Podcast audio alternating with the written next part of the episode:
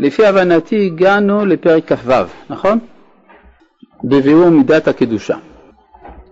אה, זה גם הפרק האחרון של הספר, אה, שהוא בעצם מהווה גולת הכותרת של הספר. למה זה חשוב להבין את זה? משום שלא תמיד מבינים מהי המגמה של ספר מסיעת ישרים, כי מתוך קריאה שטחית בתחילתו נראה, אפשר לחשוב בטעות, זאת לא הכוונה שלו, אבל אפשר לחשוב בטעות שהמגמה של, אה, של רמח"ל היא ספיריטואליסטית, דהיינו רוחניות קיצונית. ושהאדם צריך למאוס בעולם הזה, להידבק בחיי העולם הבא וכדומה, למרות שכפי שהוכחנו מקריאה מדוקדקת של ההקדמה, ראינו שזאת לא הכוונה שלו, אבל במיוחד צריך לשים לב לזה בגלל שמידת הקדושה היא הולכת בכיוון אחר לגמרי. אולי אני אסביר למה הכוונה. היהדות כידוע לנו אה, היא אה, מונותאיסטית. מה זה שהיא מונותאיסטית? היא מאמינה שהשם אחד. אם השם אחד, אז גילוי האחדות חייב להיות כולל, זאת אומרת חייב להיות שעבודת השם, דבקות בשם, תהיה דרך כל תחומי המציאות, במיוחד דרך שני התחומים שאנחנו רגילים לראות אותם כמנוגדים זה לזה, אנטיתטים, הלוא הם החומר והרוח. כלומר, חומר ורוח ביחד הם גילוי אותה האחדות. ולכן, אף על פי שיש הדרכות מוסריות שמרחיקות את האדם מאחד מהקצוות, במיוחד מהקצה החומרי, כי הקצה החומרי בהחלט יכול להביא את האדם לידי חטא, לידי שפלות, לידי קטנות, אבל מוכרח להיות שההדרכה הזאת היא זמנית ולא מוחלטת. כלומר, לא ייתכן שכאידיאל היהדות אה, תחנך לפנייה מן החומר, הרחקה מן החומריות, בגלל שאז אנחנו נופלים מבחינה תיאולוגית לסכנה של שתי רשויות, ההנחה שכאילו יש אלוה של החומר ואלוה של הרוח, ושהם מתנגדים זה לזה, והדבר הזה בא לידי קיצוניות בין היתר בנצרות ובעוד כמה כתות שדיברו על טוב ורע כאנטיתטים זה לזה. כן, בנצרות החומר שייך לשטן, הרוח לאלוהים, המדינה שייך לקיסר והנשמה לאלוהים וכדומה, שייכת לקיסר, ואילו בבודהיזם הדברים עוד יותר מוחלטים, כלומר אה, אה, ייאוש כללי מכל העולם הזה, וגם יש כתות מסוימות, גנוסטיות בעיקר, שדיברו על אל טוב מול אל רע, שנלחמים זה בזה. היהדות, למרות שהיא מכירה בדואליות של הטוב והרע, הרי יש יצר הטוב ויצר הרע, מכירה בזה גם שהיצרים הם שניהם של האדם, לכן לא ייתכן שבאופן מוחלט הרע, זה נכון שהיצר הרע יעמוד מחוץ לכלכלה האלוהית, ולכן אמרו רבותינו, ואהבת את השם אלוהיך בכל לבביך, בשני יצריך, ביצר טוב וביצר רע. כלומר יצר הרע הוא חלק מעבודת השם גם כן, ולכן צריך לדעת איך להשתמש בו. אז על כל פנים, יש הדרכות של פרישות. העבודה של הפרישות היא המעטת המרחב של דברי הרשות. הרי יש לנו שלושה מרחבים, מה שמצווה, מה שעבירה ומה שרשות. מה שעבירה אסור לעשות, מה שמצווה חייבים לעשות. מה עם מה שרשות? למשל, לאכול בננות, זה רשות. אין מצווה בתורה לאכול בננות, אבל גם אין איסור לאכול בננות. כמובן יש תנאים מסוימים לאכילת הבננות, אבל אין איסור עקרוני לאכול בננות. יאמר אדם, תשמע, אני רוצה להימנע מאכילת בננות, מכל מיני סיבות זה מביא אותי לידי עבירה, ולכן אני לא אוכל בננות. בסדר, תהיה בריא, זה עוזר לך להתקדש, זה עוזר לך להיטהר, אבל לא ייתכן שבאופן מוחלט אכילת הבננות תהיה אסורה. לכן מוכרחת להיות בשלמות המוסרית היותר עליונה הכללה של אכילת הבננות בתוך הקדושה. עד כאן מובן. אפילו גם טעמי האיסור צריכים להיות מוכללים בתוך הקדושה, כפי אותה אגדה מפורסמת על ילטה אשת רב נחמן חולין קט עמוד ב'. זוכרים? מה לא? סיפור ידוע, נו, אה, ילטה אשתו של רב נחמן. רב נחמן היה אדם גדול, חתנו של ראש הגולה, אשתו הייתה ילטה בתו של ראש הגולה, והוא היה תלמיד חכם מגדולי האומה, כן, מגדולי ישראל, ואשתו הייתה אישה עם, אה, איך אומרים, עם אופי, ופעם אחת הוא לא שלח לה כוס של ברכה, כשאומרים ברכת המזון צריך בסוף לשלוח את הכוס לשתות גם לאשתו, לא שלח. היא התעצבנה, תפסה נרבים, שברה 400 חביות של יין של הרב נחמן, אתה לא שולח לי כוס של ברכה, אני אראה לך מה זה. חבית של יין של פעם זה לא כמו היום בקבוק, זה 15-20 ליטר של יין, אז 400 תכפילו זה משהו ענק, זה עולה המון כסף. יום אחד אמרה לו, אה, מה? מה אתה אומר? יקב שלם, אולי אפילו יותר מזה. טוב, אני לא יודע בדיוק, צריך לראות את גודל היקבים באותם הימים, אבל אתה יודע, כשהגמרא אומרת 400, לפעמים זה דרך גוזמה. כן. על כל פנים, ילתא זה אישה שמקפידה על הדברים, על הכבוד שלה גם. אז פעם אחת, ככה מובן במסכת חולין, אמרה לו מיכדי כל דאסר לן רחמנא שרלן כבתי. כלומר, כל מה שהקדוש ברוך הוא אסר עלינו, התיר לנו כמוהו. אסר לנו בשר חזיר, התיר מוח שיבוטה. מוח שיבוטה זה, יש דג שקוראים לו שיבוטה, המוח שלו יש לו אותו טעם כמו חזיר. אם כן, מי שרוצה טעם של חזיר, יש מוח שיבוטה. אסר לנו את האשת איש, אסור לבוא על אשת איש, אבל התיר לנו גרושה בחיי בעלה. אדם יכול להתחתן עם אישה גרושה, למרות שבעלה הראשון עדיין חי ויש לזה טעם של אשת איש. הוא יח... אסר לנו את הגויה, התיר לנו, אה, מה? לא, לא, יפת תואר, במלחמה, כן, במלחמה, כן, אסר לנו אשת אחיו, התיר לנו את היבמה, אסר לנו חלב של בהמה, התיר לנו חלב של חיה, אסר לנו את, אה, יש שם כמה דברים שגם לא כך ברור במפרשים מה זה, אז היא אמרה לו בסוף, בעינה למך על בשרה בחלב, ואני רוצה לאכול בשר בחלב. טוב, רב נחמן לא משחק עם ילתה, כן? הוא יודע שהוא חושש על, ה, על כל החלב ועל כל הפרות שלו, מה, מה יהיה? טוב, בכל מקרה, אמר, ל, אמר לשמאי, זבי כולה כחלה. יש מחלוקת מה זה בדיוק מה שהוא אמר, אבל דעת רש"י שהוא אמר לקחת עטינים של פרה, צלויים. כן, כלומר בשיפוד, לוקחים ככה עטין של פרה, שמים על שיפוד ככה על האש, זה יש לזה טעם של בשר בחלב. כי הרי העטינים של הפרה, משם בא החלב, אבל זה גם בשר. אז בשר בחלב זה מותר לאכול, יש סימן שלם ביורד דעה איך מכינים בדיוק את העטין, כדי שזה יהיה מותר באכילה, יש מחלוקות ספרדים ואשכנזים איך עושים את זה. מה? אם דווקא בצלייה או אפשר גם בבישול, בסיר מיוחד, בקיצור, ואם צריך להוציא את החלב, לא צריך להוציא את החלב. קיצור, בלאגן שלם, עשה את זה. טוב, וניצלו ככה הפרות של אה, רב נחמן. עכשיו נשאלת השאלה, למה הגמרא מספרת את זה? היא יכולה לספר לנו את זה, להגיד שזה אישה אחת דרשה, אבל להגיד, להזכיר את השם שלה, אשתו של אחד מגדולי האמוראים, ככה לגנות אותה, שהיא כזאת להוטה אחרי בשר בחלב, זה לא מתאים לתלמוד לספר דבר כזה, אלא מה? כנראה שהתלמוד מבין שילתה הייתה אישה גדולה ואידיאליסטית, אידיאליסטית אמיתית, והיא רצ... אמרה זה חילול השם, שיהיה טעם אחד במציאות שלא יכול להיכנס לכלכלה של הקודש. ולכן היא אומרת לא יכול להיות שבשר בחלב אסור באופן מוחלט, לכן מוכרח להימצא איזושהי דרך כדי להכשיר את הבשר בחלב, ומצאה. זאת אומרת, אה, יש, זה מדרכי הקדושה, כיוון שהיא אישה קדושה, היא רוצה לחבר את הכל אל הקודש. טוב, אה, זה כהקדמה לביאור מידת הקדושה, שהיא בעצם במידה מסוימת הופכית למידת הפרישות. אחרי כל ההקדמות האלה, הווה מסתכל בפנים, בביאור מידת הקדושה, פרק כ"ו. עניין הקדושה כפול הוא. אגב, מספרים שהרב הנזיר זצ"ל, הרבי דוד הכהן, כשהוא למד את מסילת ישרים, התחיל עם פרק כ"ו. למה? כי הוא רוצה לדעת לאן מגיעים. מה המטרה? אחרי זה לומדים מההתחלה. לא יודע אם כל ספר זה ככה, אבל כיוון שזאת מסילה, מסילת ישרים, אז יש איזה פרוגרסיה, יש איזה התעלות, אז צריך לדעת לאן מגיעים. כן. יש מישהו שהקשה על דברי הרב הנזיר האלה. מישהו הקשה, אמר, אבל רמח"ל כתב את פרק כ"ו בסוף, ואני מקשה על מי שהקשה. וכי הנזיר לא יודע את זה? טוב, אה, עניין הקדושה כפול הוא, דהיינו, תחילתו עבודה וסופו גמול, תחילתו השתדלות וסופו מתנה. זה דבר מאוד מעניין. הרי מאיפה לקוח בכלל כל הסדר הזה של המידות, זהירות, זריזות, נקיות, איפה הוא לקח את זה? רמח"ל. מהברייתא של רבי פנחס בן יאיר, נכון? יש ברייתא של רבי פנחס בן יאיר לפי הגרסה של מסכת עבודה זרה, ומה כתוב שם? תורה מביאה לידי זהירות, זהירות מביאה לידי זריזות, נקיות, רישות, טהרה, חסידות, ענווה, יראת חטא, קדושה, קדושה מביאה לידי רוח הקודש, רוח הקודש מביאה לידי אליהו הנביא, אליהו הנביא מביא לידי תחיית המתים. אז אם כן אנחנו רואים שרמח"ל קיצץ בתוך הרשימה של אה, 13 מידות, הוא הוריד את התורה, לא כתב תורה, התחיל מהזהירות, תורה מביאה לידי זהירות, הוא התחיל מהזהירות, וגם קדושה מביאה לידי רוח הקודש אליהו תחיית המתים, גם זה, אין פרקים על זה במסילת ישרים. למה?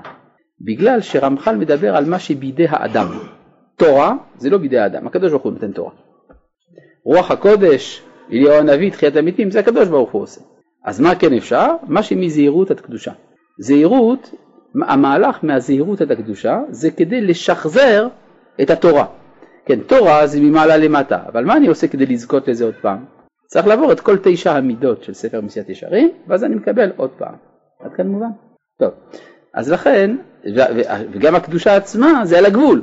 הרי תחילתו השתדלות, סופו מתנה. לכן מבחינתנו, אנחנו הלומדים ספר מסיעת ישרים, מה שחשוב כאן זה תחילתו השתדלות. סופו מתנה, בסדר, הקדוש ברוך הוא ייתן, בעיה שלו, לא בעיה שלי, אפשר לומר, כן? כן, זה התחלה של רוח הקודש אליהו תחיית המתים. זה לא ממש רוח הקודש, כי זה עדיין בתחום הקדושה. אבל צריך לפי זה להבין שקדושה זה מציאות אובייקטיבית. למשל, יש אדם שאומר קדושה, יש למשל ביטוי כזה, ירושלים קדושה לשלושת הדתות המונותאיסטיות. יש מקומות שהם קדושים ליהדות, קדושים לנצרות, קדושים לאסלאם. שטויות במיץ עגבניות, קדוש זה לא קדוש למישהו, זה קדוש מצד עצמו. או שהמקום קדוש או שהוא לא. ברור? האם, הוא, האם יש מישהו שמכיר בזה? זה סיפור אחר. כן? הר הבית הוא קדוש, בין שאתה מכיר בזה בין שאתה לא מכיר בזה. כן? זה לא קדוש למישהו. זה לא איזה מין הכרה סובייקטיבית אה, פולקלוריסטית, שזה מה שמשתמע מהביטויים האלה. כן? זה אובייקטיבי, יפה. קדושה זה מקום שבו יש נוכחות אלוהית. איפה שיש נוכחות של הבורא זה נקרא קדושה. בסדר? טוב. כן. אה כן? כן. איפה לקחת את זה? אני חוזר על דבריך. סליחה, סליחה, סליחה, תן לי לחזור על דבריך, בבקשה. אתה אמרת שזה שכתוב קדושים תהיו, משמע שזה תלוי בפעולה שלנו. על זה אני שואל, מנין לך זאת? מדוע שקדושים תהיו לא איננו הבטחה? קדושים תהיו, זה מה שיהיה. יכולת להביא פסוק אחר, והתקדישתם והייתם קדושים. לא, המילה והייתם קדושים איננו ראיה לכלום, אבל הראיה הראשונה, אם כבר להביא ראיה זה מהמילה והתקדישתם, שזאת פעולה שלי, נכון? אז בסדר, אבל לא הבאת את זה, אתה הבאת קדושים תהיו. עכשיו בזה יש באמת מחלוקת גדולה מאוד בין הרמב"ן, הרמב"ם, רש"י, מה המשמעות של קדושים תהיו. כן? לבריאות. כלומר, משמע שעל ידי מעשים מסוימים תחול בכם הקדושה. כן? בסדר, אבל המעשה עצמו זה ההתקדשות, והייתם קדושים זה כבר ממעלה למטה. קדושים תהיו לכאורה לא מהווה שום ראייה, כן? קדושים תהיו, זה מה שיקרה בסוף. אבל... לא, אתה אומר שתהיו זה קדושים, זה פעולה. לא. למשל, אם אני אומר אה, תהיה פזמניק, צריך לעשות משהו בשביל זה? כדי להיות פזמניק צריך לעשות משהו? לא צריך לעשות שום דבר. אתה לוקח חייל, אתה לוקח טוראי, קושר אותו לעמוד, אחרי עשר שנים יש לך סגן אלוף. למה? פזמניק, נכון? בסדר? אז קדושים, תהיו. זה מה שיקרה בסוף. בסדר? בסדר. לא, זה, זה נקודה מאוד חשובה, כי אה, למשל יש אחד שכתב שקדושה זה ייעוד, שהרי כתוב קדושים תהיו. יש מישהו שכתב ככה, כן? אבל הוא לא שם לב שכתוב בתורה גם כי עם קדוש אתה. אה? עכשיו, אותו אחד שכתב שקדושה זה ייעוד ולא מציאות, הוא אמר ככה, הוא אמר דברים שקשה מאוד לאוזן לשמוע את זה, אז אם יש מישהו רגיש שיצא עכשיו, או שיכבה את המחשב לכמה שניות, הוא אמר שלושה אמרו אותו דבר, והם קורח, רבי יהודה הלוי והרב קוק, ששלושתם אמרו כל העדה כולם קדושים. נכון היה קשה לשמוע? כן, ברור. דברים האלה אין להם שחר, ונטולים מן המציאות, אפוסים מן היש. שהרי קורח אמר כל העדה כולם קדושים, והרב קוק ורבי יהודה הלוי אמרו כל העדה כולה קדושה. כלומר העדה מצד הכלל, עם קדוש אתה להשם אלוהיך. עכשיו אני באופן אישי צריך להפנים את הקדושה של הכלל בתוכי. זה לא דבר מובן מאליו שאני קדוש, כן? זה תלוי בי שזה יחדור בקרבי. דבר שאמרת בהתחלה קדושה זה דבר שהקדושה... שהוא אובייקטיבי, נכון? מה שיחדור בי הוא אובייקטיבי, בין שאני מרגיש ובין שאני לא מרגיש. אם אני אעשה מעשים המביאים עליי קדושה, אני אהיה קדוש בין שאני רוצה בכך, בין שאני לא רוצה. בין שאני מרגיש את זה, בין שאני לא מרגיש את זה. מובן? מצד, לא, גם אם אני עושה את המעשים שכפרט מביאים עליי קדושה. למשל, אשר קידשנו במצוותיו. מצוות זה מביא קדושה. נגיד קיימתי מצוות. אז לפי מה שהתורה אומרת, קיימתי מצוות, אני קדוש, אבל אני לא מרגיש. אז התשובה היא, אתה לא צריך להרגיש, זה אובייקטיבי. זה חל בך בין שאתה מרגיש ובין שאתה לא מרגיש. זאת אומרת, הפוטנציאל פוטנציאל... שלא כמו טהרה, טהרה זה דבר שאני מרגיש אותו, בסדר? כן. מה זה השלבים? רגע, רגע, אנחנו, הוא אנחנו נגיע, הוא ידבר על זה. מה? הוא כותב על זה בסוף. כן, טוב. בסייעתא דשמיא, צהריים מצוינים לרב היקר, הרב הזכיר את מדרגת המידות. מדוע יראת חטא מדורגת במדרגה כל כך גבוהה בסולם הערכים? הרי זה מתבקש לפני הכל, לא, הרב יכול להרחיב בתודה במשך יום נפלא, גיל. אדוני היקר, כשלמדנו את מידת היראה, עסקנו בשאלה הזאת. אז אתה מוזמן לפתוח מהארכיון את כל השיעורים שהיו על ביאור מידת היראה, יראת חטא, ואז תקבל תשובה לשאלתך. עיין שם היטב ודעת לנפשך ינעם, אמן סלע. ובכן אנחנו עכשיו ממשיכים במידת הקדושה.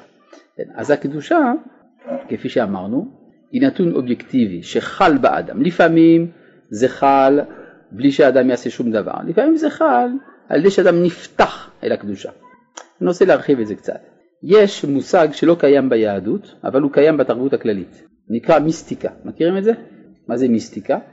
זה המחשבה, האמונה הזאת, שהאדם יכול על ידי מעשים, הכרות, מידות, לא משנה מה, הוא יכול להגיע אל האלוהים. זה נקרא מיסטיקה. אני עולה עד למעלה. כן? זה גאווה וטיפשות כאחד, כי ודאי שאי אפשר להגיע עד האינסוף. מה המרחק בין, בין, ביני לבין האינסוף? מה המרחק? אז כמה זמן לוקח להגיע? אינסוף זמן, אז אי אפשר להגיע. ברור? נכון? אבל מה יש כן ביהדות? במקום המיסטיקה יש ביהדות קבלה. קבלה זה בדיוק הפוך, מה זה קבלה? זה לקבל. אני פותח את עצמי למה שבא אליי. הרי האינסוף לא מוגבל על ידי ההגבלות השכליות, מנטליות, פיזיות שלי. הוא יכול לבוא אליי כמה, מה, מתי בא לו, כן? לכן יש ביהדות קבלה, דהיינו הכנת השטח להופעת הקדושה. מובן? ולכן אמרו רבותינו במסכת אבות, לא מצאתי לגוף טוב מיסטיקה. כן. בסוף הכל, בסוף הכל עניין של מידתיות. אף אחד לא בעד התנזרות טוטאלית, טוטאלית כתבת, ואף אחד לא בעד נהנתנות גמורה, לא?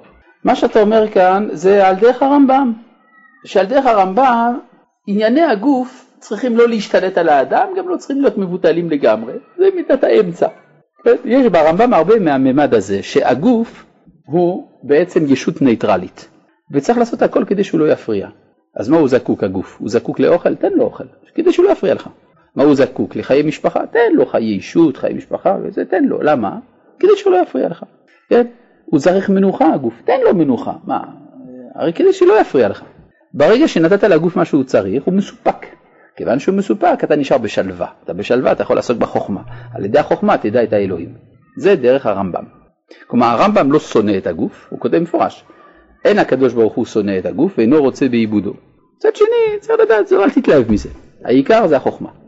הרמח"ל, לעומת זה, הוא מן המקובלים. ואצל המקובלים יש קדושה בגוף. יש משימה של גילוי הקדושה שבגוף. אבל הגוף עושה הרבה בעיות. אז לכן צריך, באופן פרדוקסלי, מי שמדבר על קדושת הגוף, כגון הרמב"ן בספר איגרת הקודש, דווקא מי שמדבר על קדושת הגוף, מייסר הרבה את הגוף בסיגופים כדי לתקן אותו, כדי שתתגלה הקדושה שבו. לכן גם רמח"ל העביר אותנו דרך הפרישות, צריך הרבה פרישות כדי להגיע לקדושה, אבל המטרה אינה הפרישות, אבל בדרך אתה צריך גם לעבור דרך זה. שלום ושבוע טוב לרב ולתלמידים בכל אתר ואתר אינטרנט, כפי ששאל אחד התלמידים, קדושים תהיו. מבארת התורה כי קדוש אני, כי זה סיבה. אם כן זו לא רק מציאות, אלא ציווי בכל הדאהו להיות פרוש כאלוהים. וואו וואו וואו, כמה דברים לא מדויקים נאמרו כאן. אני רוצה כאן באמת להיכנס יותר לעומק של המושג קדושים תהיו, כי זה אני רואה שיש פה כמה בעיות.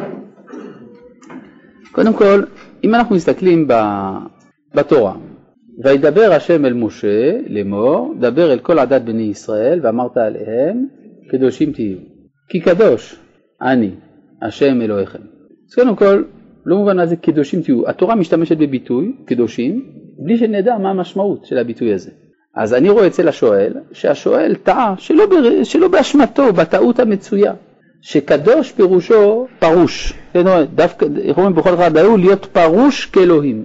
הוא כתב כאלוקים, אבל אני סולח לו. כן? אה, פרוש כאלוהים. מאיפה הוא לקח שקדוש פירושו פרוש? מאיפה הוא לקח את זה שקדוש פירושו פרוש? אז זה לא רק הוא. אם זה היה רק הוא מילא, אבל זו טעות מצויה מאוד, שכולם חושבים שקדושים פירושו פרושים.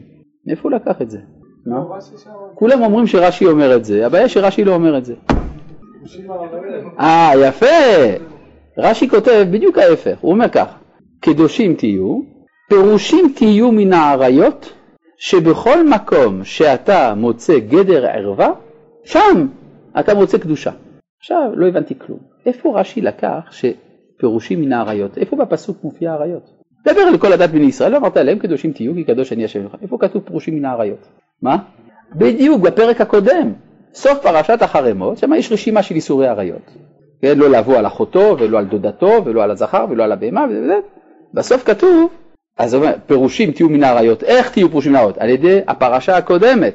פירושים תהיו מן האריות זה הפרשה הקודמת, שכל מקום שאתה מוצא גדר ערווה, כלומר בפרשה הקודמת, שם אתה מוצא קדושה בפרשה הזאת. משמע שקדושה זה לא הפרישות מן האריות. שהפרישות מכינה לקדושה. יפה, הפרישות היא ההכנה לקדושה, אבל הקדושה זה לא הפרישות. והראיה, גם פה בסיעת ישרים יש בביאור מידת הפרישות ובביאור מידת הקדושה, שני דברים שונים. הפרישות מביאה לקדושה, אבל הקדושה זה לא פרישות. אז מה זה כן? זאת השאלה. בסדר? אז אה, יש ביטוי כזה בחז"ל, קדוש לעולם קיים.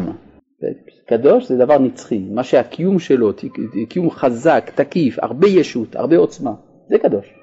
לפעמים יש עוצמת חיים כל כך גדולה, שביחס אלינו זה מכלה את העוצמת חיים הנמוכה שלנו. זה כמו שלמשל, להבדיל בתחום הפיזיקלי, זרם חשמלי חזק, אי אפשר, להתג... אפשר לגשת לזה, אבל זה לא בגלל ששם אין חיים, אלא יש שם הרבה חיות, וכש...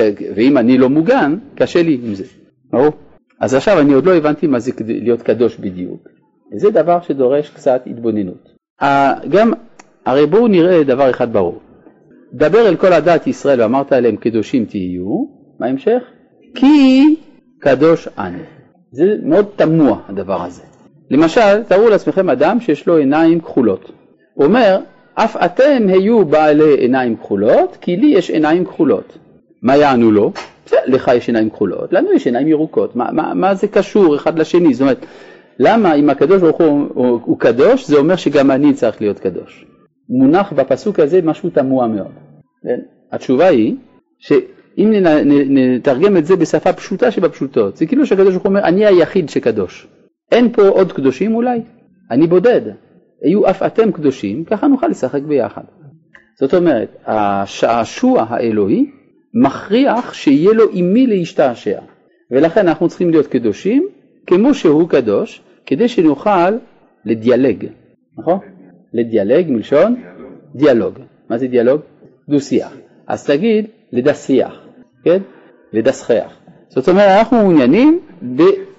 כן, לדסקס, שיחה פנים אל פנים עם הקדוש ברוך הוא, ואי אפשר כל זמן שאנחנו לא קדושים, לכן ביקש הקדוש ברוך הוא, היו קדושים כדי שנוכל להיפגש, בסדר? יוצא שגם בלי להגדיר עדיין מהי הקדושה, ברור שבמצב של הקדושה יש פנים אל פנים, בין הבורא לבין הנברא. כן, בבקשה. אבל אנחנו יודעים הרי שבכל דבר מה שחי יש בו גם קצת מהקדוש ברוך הוא איזה חלק קטן. אז למה לא לא להיות אני חוזר על שאלתך היפה. אתה אומר, אנחנו יודעים שבכל מה שחי יש בזה משהו מהקדוש ברוך הוא, אפילו חלק קטן, אז אם כן, מדוע אי אפשר להגיד בכל דבר שהוא קדוש כולל גוי? עד כאן תשובה, אה, שאלתך. דבריך אלה אינם נכונים כלל וכלל, ואני אסביר מדוע. בגלל שאלוהים אין לו חלקים, ואי אפשר לומר שיש חתיכות של הקדוש ברוך הוא. ברור? ולכן, הייתי אומר אפילו יותר מזה, היהדות בנויה על ההנחה שהבורא זה לא הנברא והנברא הוא לא הבורא. במילים אחרות, אני לא אלוהים, אני מקווה שאתה לא תיפגע אם אני אגיד שגם אתה לא אלוהים. כן? ולכן אי אפשר להגיד שיש חתיכה של אלוהים בשום דבר, כי אלוהים הוא אחדות והאחד לא מתחלק. לא נכון שבכל דבר יש רוח הקודש? בכל דבר רוח הקודש? אה, סליחה, בוודאי שזה לא נכון שיש בכל דבר, להגיד, אי אפשר להגיד שיש בכל דבר חלק קטן של הקדוש ברוך הוא. אי אפשר להגיד דבר כזה, כן? אלוהים הוא אחד, כיוון שהוא אחד, הוא למעלה מכל חלוקה, הוא למעלה מכל הרעיונות האלה. ברור? הרעיון הזה, שהוא כל כך מצוי, גם הוא בא מהתפשטות של אה, רעיונות עמוקים של תורת החסידות בתפיסה עממית. כן, התפיסה העממית היא קצת שטחית ואז היא תופסת את הדברים בצורה כזאת, אבל זה פשוט לא נכון. ולכן אה, ברור שלהיות קדוש לכאורה זה דבר בלתי אפשרי. אם הקדוש ברוך הוא קדוש, איך אני אהיה קדוש? דבר לא מובן, בסדר? אבל ברור שבמידה של הקדושה יש מה שנקרא פנים אל פנים. שוב, כאן אנחנו מתרחקים מן המושג של מיסטיקה, כי במיסטיקה הרעיון הוא להתאחד עם אלוהים. זה המשמעות של, של המיסטיקה. עכשיו, להתאחד עם אלוהים, אני אגיד את זה במילה יותר פשוטה. אתם יודעים מה זה להתאחד עם אלוהים? זה למות. זה בעצם זה למות, זה ההדרה של המוות. זה, זה הפיכת המוות לאיזה מין אידיאל, כן? ברור? ועל זה נאמר, דווקא בתורה, החיים והמוות נתתי לפניך. נו, מה תבחר? ברור שאת המוות.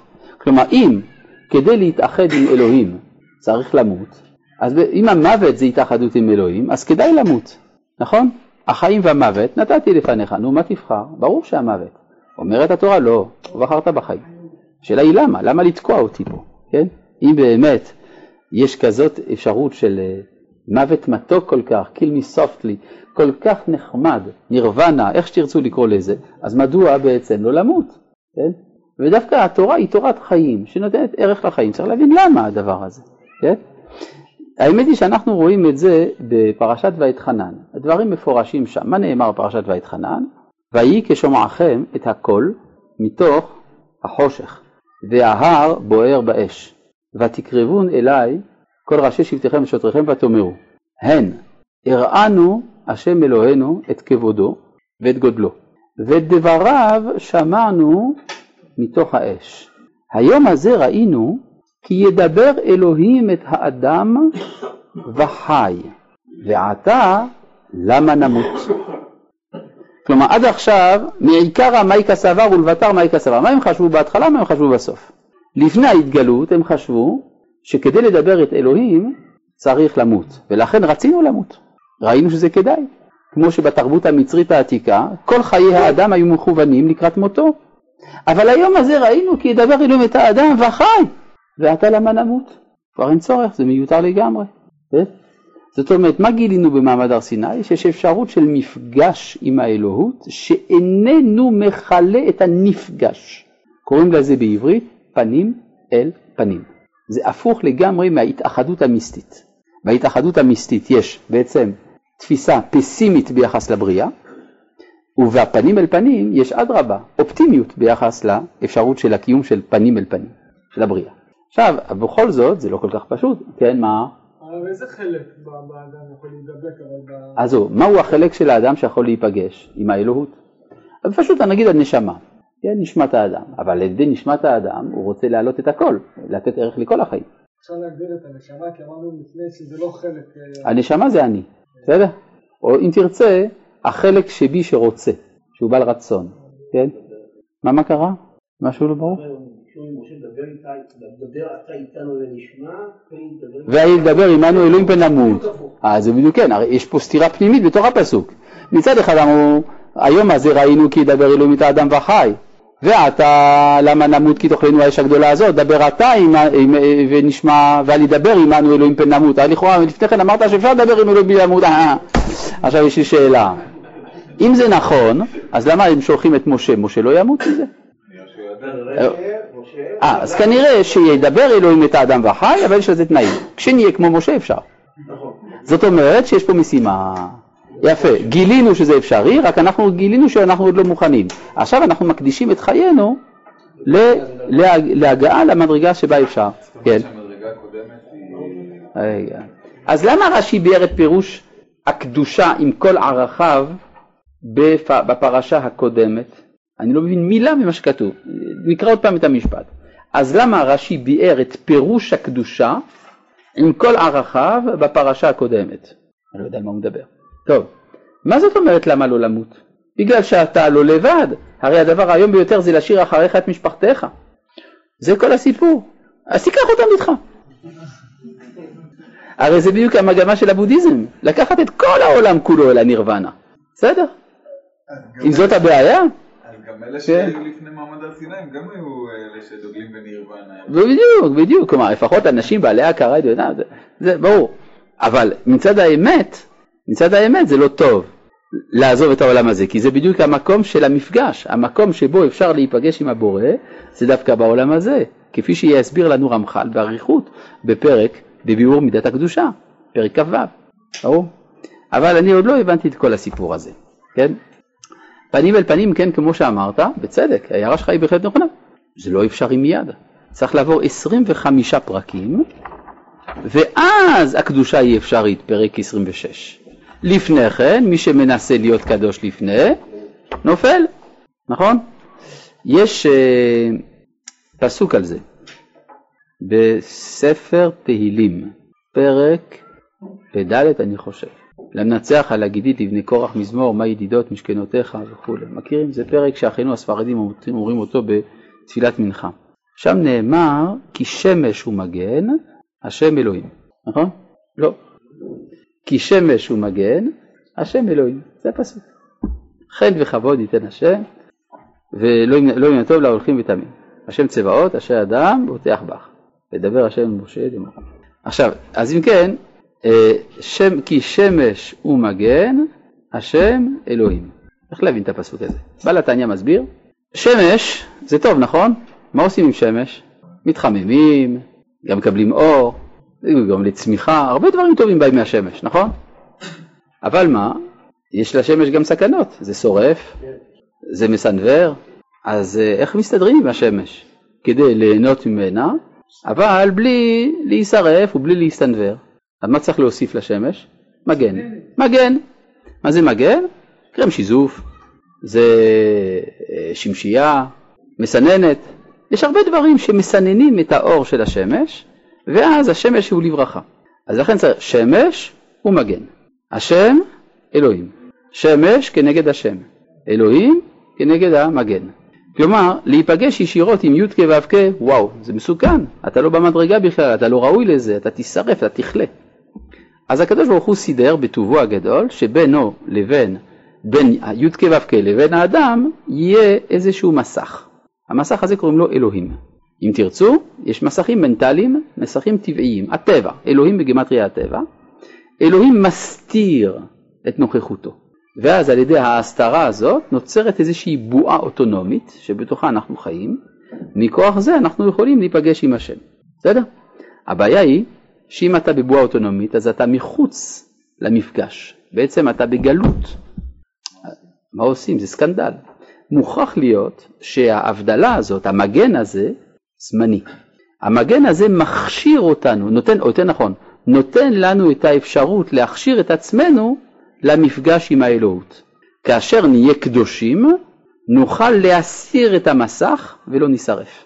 ולכן אומר הנביא ישעיהו, ונשגב השם לבדו ביום ההוא. מה זה השם לבדו? בלי מי? בלי אלוהים. אבל יהיה לבדו עם האדם. זאת אומרת, יש מפגש ישיר בין י"ק ו"ק לבין האדם לעתיד לבוא, כשיוסר המסך של אלוהים. זה המצב של הקדושה. אלוהים? מי אמר שאין גוף? מי אמר שאין מסך הכוונה שאין גוף? אלא הכוונה שהגוף לא חוצץ, שהגוף לא חוצץ, הטבע לא חוצץ. למשל אתה מתפלל בתפילת שמונה עשרה, ומלוך אתה השם לבדיך. השם לבדיך, מה, לא יהיה מלך? הרי יש מצווה שיהיה מלך, נכון?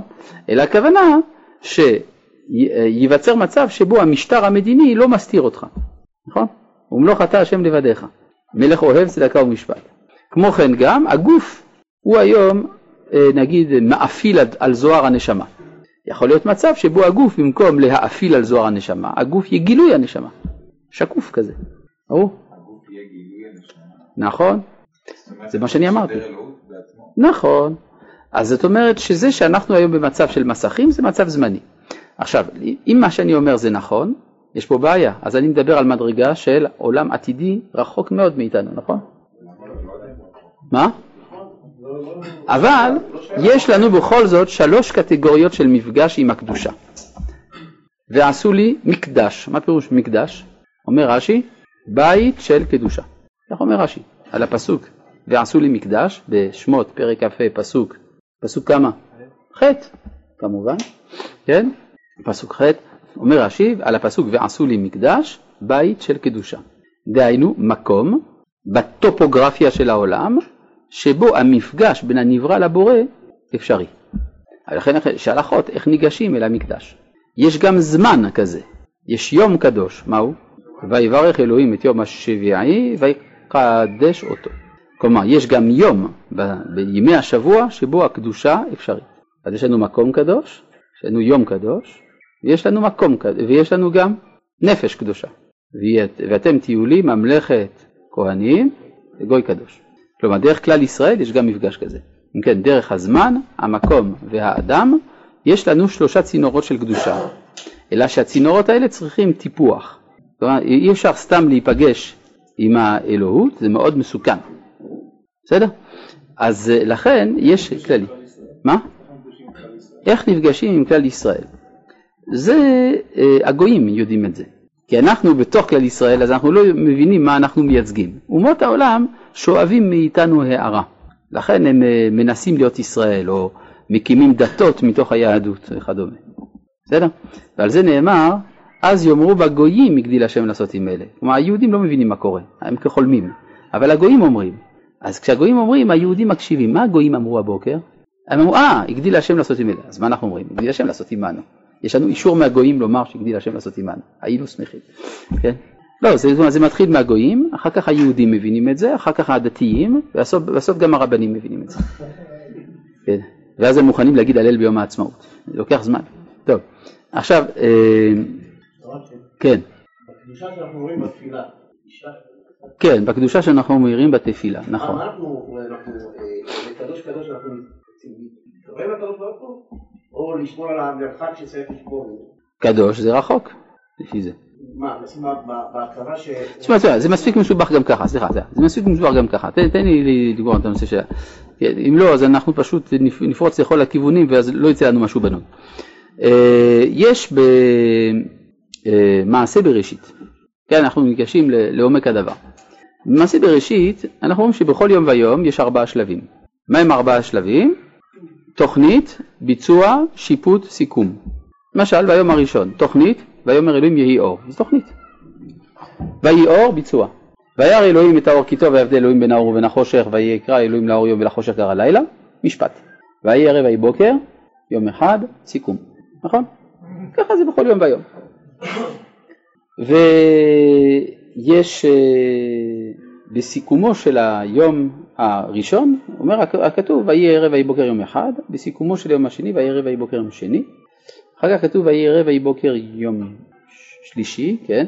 ויהי ערב ויהי בוקר יום רביעי, ויהי ערב ויהי בוקר יום חמישי, ויהי ערב ויהי בוקר יום השישי, ויכל אלוהים יום השבעים מלאכתו אשר עשה, ויחולו שמיים בארץ וכל צבעם, ואכל אלוהים ביום השביעי מלאכתו אשר עשה, וישבות ביום השביעי מכל מלאכתו אשר עשה, ויברך אלוהים את יום השבעי ויקדש אותו, כי בו שבת מכל מלאכתו אשר ברא אלוהים לעשות, ויהי ערב ויהי בוקר יום השביעי. נכון?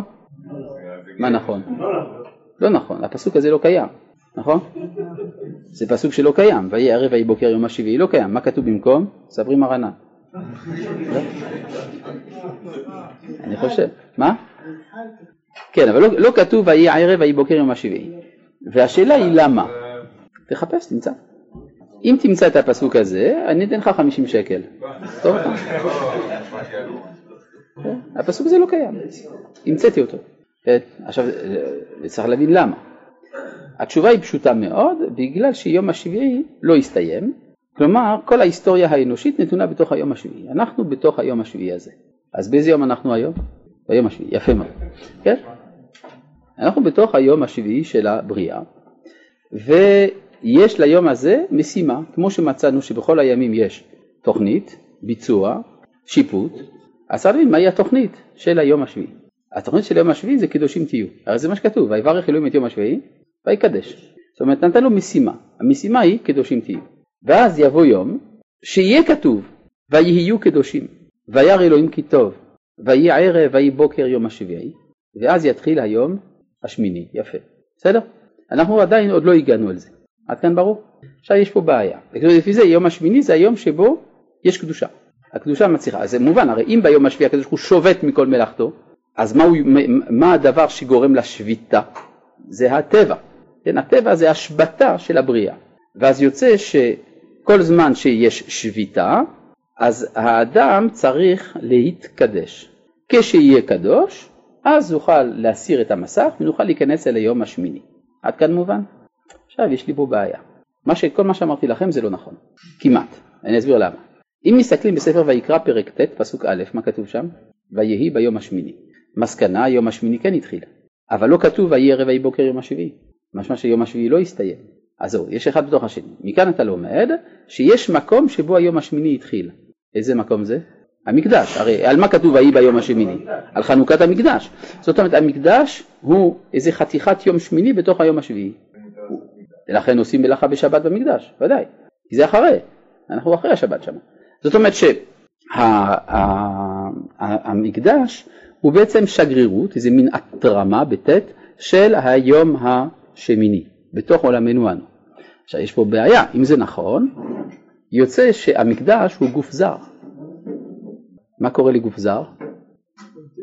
נפלט, נכון? לכן מדי פעם המקדש נחרב, מובן? כי הוא באמת לא מתאים לטבע של העולם. לכן העולם דוחה אותו. מה? מה שמונת ימי חנוכה? שזה מה? מן העולם ועד העולם, תסביר. אה, ביום השמיני, כן, בחנוכה הייתה איזה מין הערה כזאת, כן, ברור. לכן זה שמונה ימים. כן, אבל יש, זאת אומרת, אבל מה שלא טבעי נפלט. ברור? הרי המהר"ל מסביר את זה שהמקדש שייך לנבדל והעולם הזה הוא עולם הטבע, הטבע דוחה את הנבדל. אבל מתי אז המקדש לא יחרב? כאשר העולם יעלה למדרגת היום השמיני. מובן? אה, אז זה מה ש... אה, זה בעצם המשימה. עכשיו יש אפשרות של, אה, של המשכה, של מידת הקדושה בחיים הפרטיים דרך תורת המידות. וזה מה שאנחנו לומדים כאן במסילת ישרים, בביאור מידת הקדושה. עד כאן ברור? טוב, אז עכשיו מתוך כך... מה זה קשור לקדוש קדוש קדוש? אני לא אמרתי שזה קשור, אני אמרתי שדווקא אני לא אדבר על זה כי אני לא רוצה להתבלבל. כן, בסדר. עכשיו, המושג קדוש אצלנו הוא מושג רחוק, לכן הקדוש אצלנו רחוק. ברור. אבל כשאני מגיע לקדושה זה כבר לא רחוק. ברור. לכן קדוש קדוש קדוש זה כוונה רחוק באופן מוחלט. מסביר רבי יהודה לוי בספר הכוזרי שכשחוזרים על ביטוי שלוש פעמים הכוונה אין סוף פעמים. כלומר שה, שהשרפים היו אומרים קדוש, קדוש, קדוש, קדוש, קדוש, בלי, הפסק. כן. לכן הם שרפים, שורפים הכל. לעומת האופנים, האופנים דווקא הם מאוד נחמדים כאלה, ברוך כבוד השם ממקומו, זה מננטי, לא טרנסצנדנטי, וזה מסתדר. אבל הבעיה היא שמי צודק? כלומר, השרפים אומרים קדוש, האופנים אומרים ברוך, מה האמת? ליושב תהילות, כן, לרוכב ערבות, קדוש וברוך. נכון? ככה אמר בי"ד. וגם אנחנו קוראים לריבונו שלא ילום, אנחנו קוראים הקדוש ברוך הוא. זאת אומרת, הוא הקדוש והוא הברוך. לא קדוש ברוך יהיה, כן? לא יתברך, אלא הקדוש ברוך הוא, זה אותו אחד. הוא ראשי תיבות, הוא ושמו אחד. עכשיו בואו, אה, אם כן, לפי זה אנחנו מבינים קצת מה זה המשימה של הקדושה בחיים האישיים, מה זה אומר. זה מצב שבו יש מפגש מתמיד של פנים אל פנים, כמו המפגש של אהבה בין הבורא לבין הנברא, והמצב הזה יש לו השלכות אחר כך גם על ההתנהגות של האדם. בואו נראה על מה מדובר. עניין הקדושה כפול הוא, דהיינו תחילתו עבודה וסופו גמול, תחילתו השתדלות וסופו מתנה. והיינו, שתחילתו הוא מה, ש... מה שאדם מקדש עצמו, וסופו מה שמקדשים אותו. והוא מה שאמרו זיכרונם לברכה, אדם מקדש עצמו מעט, מקדשים אותו הרבה. מלמטה מקדשים אותו מלמעלה. ההשתדלות. עכשיו, מה זה ההשתדלות? לפני שאנחנו רואים מה הקדוש ברוך הוא נותן לו. הוא שיהיה האדם נבדל ונעתק מן החומריות לגמרי. הוא מדבק תמיד בכל עת ובכל שעה באלוהיות. זאת אומרת, מה זה נעתק ונבדל מהחומריות? הוא מפסיק להיות חומר? הוא חומר, אז איך הוא יכול להיות נעתק מהחומריות? הכוונה, מה מוקד ההתעניינות שלו? איפה הוא שם את מעייניו? יש אדם שמה שמעניין אותו זה כסף, הנאות, כבוד, שטויות. זה, זה, זה מה שמטריד אותו. אז הוא עוד לא קדוש, ברור? ועל, דו, ועל דבר זה נקראו הנביאים מלאכים. כי העניין שנאמר באהרון, כעניין שנאמר באהרון, כי שפתי כהן ישמרו דעת ותורה יבקשו מפיהו, כי מלאך השם צבאות הוא. כן, ברור. אז הכהן הוא מלאך. ואומר, ויהיו מלעיבים במלאכי האלוהים ובוזים דבריו ומצעתיהם בנביאיו. אז מי זה מלאכי האלוהים שהיו מלעיבים בהם? הכוונה לנביאים. ואפילו בשעת התעסקו במעשים הגשמיים המוכרחים לו מפאת גופו, הנה לא תזוז נפשו מדבקותה העליון, וכעניין שנאמר דבקה נפשי אחריך, בי טעמך ימינך. כן, רואים את זה אצל האבות. האבות, במה הם עסקו? מסתכלים בתורה, מאוד מעניין, אברהם, יצחק ויעקב, שאנחנו מתפללים לקדוש ברוך הוא ואומרים אלוהי אברהם, אלוהי יצחק, אלוהי יעקב, במה הם עסקו? כבשים. יש להם כבשים, עיזים, תיישים. יעקב אבינו, וואלה, איך מה נעשה כדי שיהיה להם נמשים לעיזים האלה? יש לי רעיון, ניקח מקל, נעשה פצלות לבנות, נשים את זה בתוך המים שבשוקת בזמן שהן מיוחמות, ואז יראו וזה, בזמן שהצאן עולות, ואז יהיה עקודים, נקודים וברודים. נעשה הרבה כסף. זה יעקב אבינו? כן, בזה הוא מתעסק, נכון? הוא מתעסק בזה, אבל אצלו כל הכוונה שלו זה כדי שתקום אומה שיודעת את השם, ככה מסביר הרמב"ם במורה נבוכים, אז הכל קדוש אצלו, בסדר? טוב, אז uh, כדי להבין את זה בהרחבה אנחנו צריכים להרחיב בתוך דברי רמח"ל עצמו, אבל אין באפשרותנו כעת, שהרי הגיע המבזק, אז נמשיך בעזרת השם הפעם הבאה, שלום.